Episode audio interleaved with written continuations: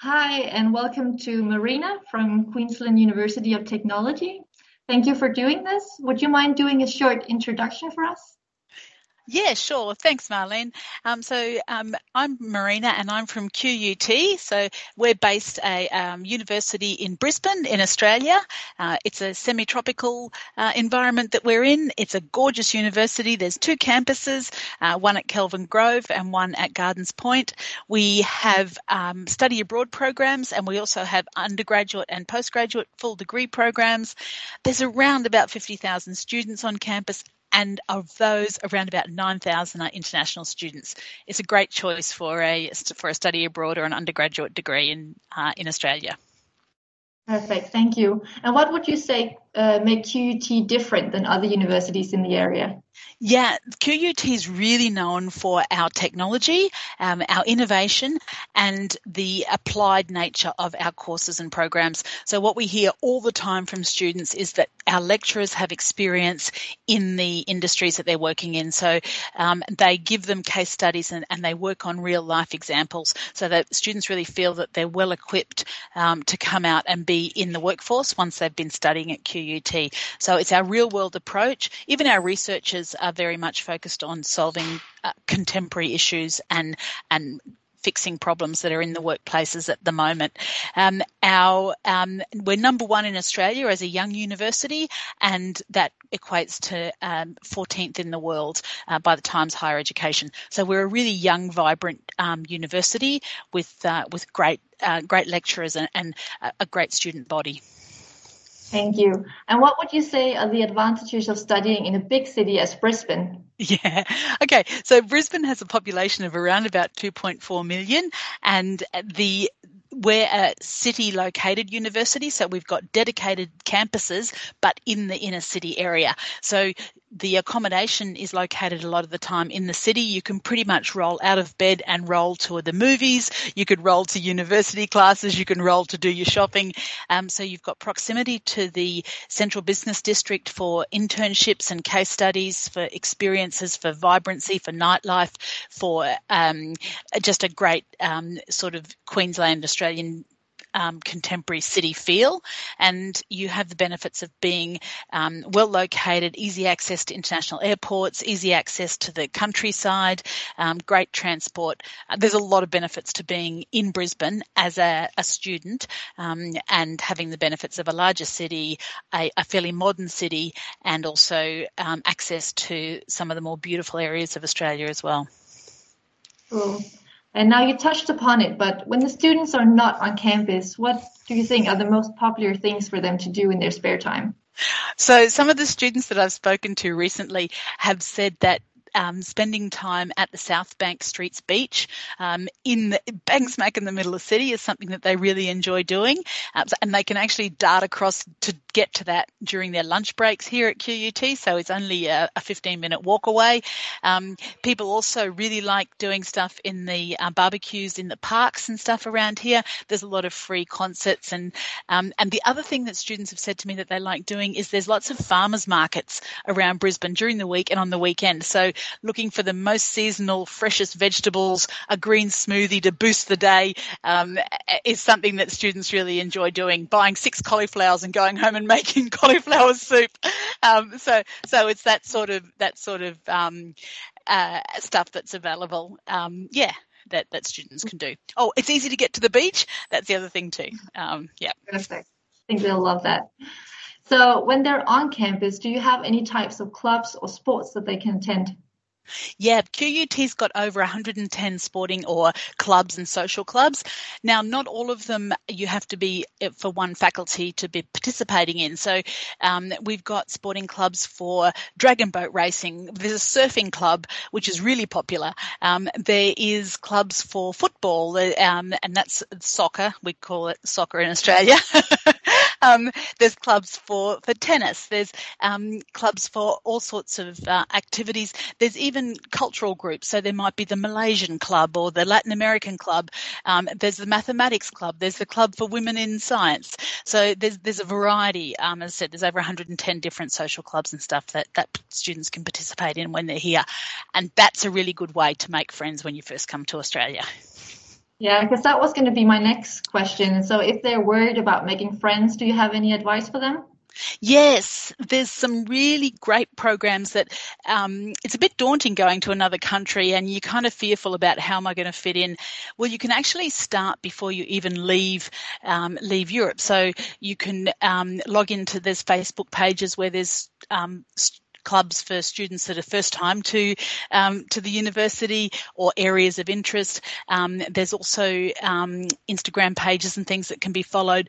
You can actually join a buddy program and actually be um, linked up with an Australian buddy or a QUT buddy. You can have mentors when you first get here, when you first arrive into Brisbane and your first week is orientation week, pretty much everybody is a first timer and people are really keen to make friendships really quickly. So um, people are warm and welcoming, um, but take advantage, maybe, you know, reach out before you actually leave your country to come to Australia. All right. And what does the orientation week typically look like? Yeah, so for QUT, it involves um, welcomes to country. It involves information around what your exam, or not your exam, sorry, what your studies and coursework is going to look like. It involves making sure that you're socially connected, introduction to the support services um, that we have on camp, both campuses, how to get round campus, um, and a lot of emphasis on how you can, um, what you need for your studying, but also the social side of things as well. So um, we try and make it as informative and supportive uh, as possible for students with as much interaction with existing students as possible as well. It's a really great thing to do if you factor in coming to orientation week ahead of starting your studies. It helps you get settled into the university. makes sense. and then in regards to the study fields, are yeah. there anything that you're most famous for or popular courses that you could recommend? Yeah, so QUT's got some fantastic game design and data analytics courses in our um, science and technology areas, some really um, uh, fascinating engineering programs and things as well that have got robotics elements to them. Our creative industries faculty uh, is super strong in communications, in film and TV, in design, um, and also in things like journalism. Um, we have our business degree, uh, whether it's undergraduate or postgraduate programs um, for study abroad, is part of a Triple Crown accredited business school. Um, and in that area, uh, that means we're in top 1% in the world, and we have amazing lecturers that that really get inspired um, to teach students um, so much um, interesting information, information that will really boost your career. Uh, so the other areas that we've got strength in is in, in our health programs um, and um, also in our teaching programs. So education is strong at QUT as well. Uh, so so there's a really wide variety, and if students are coming for study abroad, it's a really great opportunity to be transdisciplinary and maybe pick up a law or justice unit if you're looking at business or creative thinking if you're actually in science and engineering areas and stuff. So, so there's some good programs there as well. All right. And if you do come as a study abroad student, would you say it's easy to get the courses that they wish for? Yeah, study abroad students are actually um, prioritised and they have advantage of getting the units ahead of the full degree students. So study abroad students have the access to the timetables and things three days ahead of the other students. So you actually are prioritised um, for your choice of units. All right. And can they expect to study amongst Australian students or will it most likely be international students? No, you'll have a huge range of students within your uh, in, within your units and programs. Um, as I said earlier, there's 50,000 students on QUT in total, and around about well last year 9,000 of those were international. Um, you could be with uh, Australian students, with students from China, from India, from Malaysia, from Singapore, from Germany. Um, there, there's a huge range of, diversity of student cohort. So uh, I would expect that you would have quite a, um, a diverse um, group of students in your classes. Perfect. And then moving on to the accommodation, where would you say that stu- students most often live? And is it something that QUT can help them with? Yep. So the easy answer to that is yes, QUT, mm-hmm. our international student support team, have got some great um, information, advice, and recommendations on about places to live. Um, Brisbane has got a huge range of purpose-built student accommodation, which is really close to the campus, right in the city. You can be sharing rooms with um, or sharing unit areas with up to six people, and you have a shared kitchen. You have your own um, dedicated bedroom and, and lock-up area for study and things, but you would have a shared kitchen and um, some shared um, bathroom facilities and things, or you can um, have your own totally self-contained apartment. You may mm-hmm. share an apartment with some friends um, where you just rent that as a, as a student group and stuff, um, or you can also do homestay, which may be involved staying in an Australian family situation. So there's a really good variety, and there's no um, uh, tight shortage of, of accommodation. So don't panic about accommodation, is what we say. Uh, there's a lot available.